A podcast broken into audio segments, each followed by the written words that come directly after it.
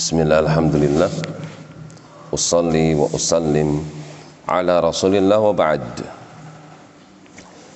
Melanjutkan pembacaan Tafsir Ibnu Kathir Masih di dalam surah An-Nur Sampai ayat yang ke-36.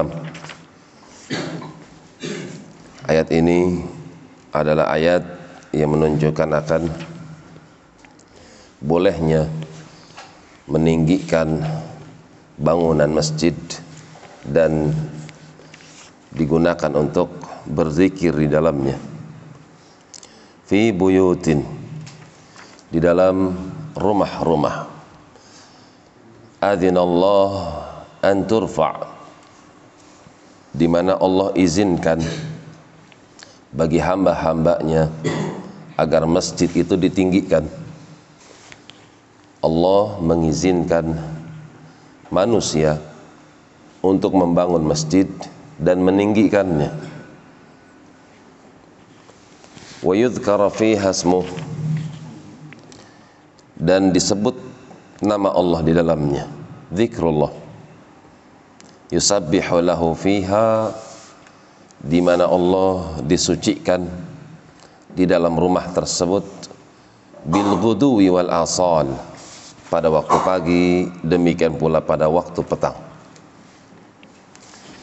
Penyebutan pagi dan petang, subuh, demikian pula asar, disebabkan karena dua waktu ini adalah dua waktu yang sangat istimewa. Dan sebagian manusia pada umumnya lalai. Subuh ada di antara mereka yang sibuk dengan mimpinya, ada juga yang sibuk dengan perniagaannya. Sore adalah waktu di mana mereka manusia sibuk dengan peristirahatannya. Sehingga sedikit manusia yang mengingat Allah. Ketika waktu di mana manusia banyak yang lalai dari mengingat Allah, ternyata ada sekelompok manusia yang justru dia banyak mengingat Allah di saat manusia lalai. Maka ini adalah suatu keistimewaan. Karena itu sebagaimana ayat yang telah kita baca dalam surat Al-Ahzab Allah memberikan keistimewaan pula untuk mereka orang-orang yang banyak mengingat Allah di saat manusia banyak yang lalai dari mengingatnya. Demikian wallahu alam bis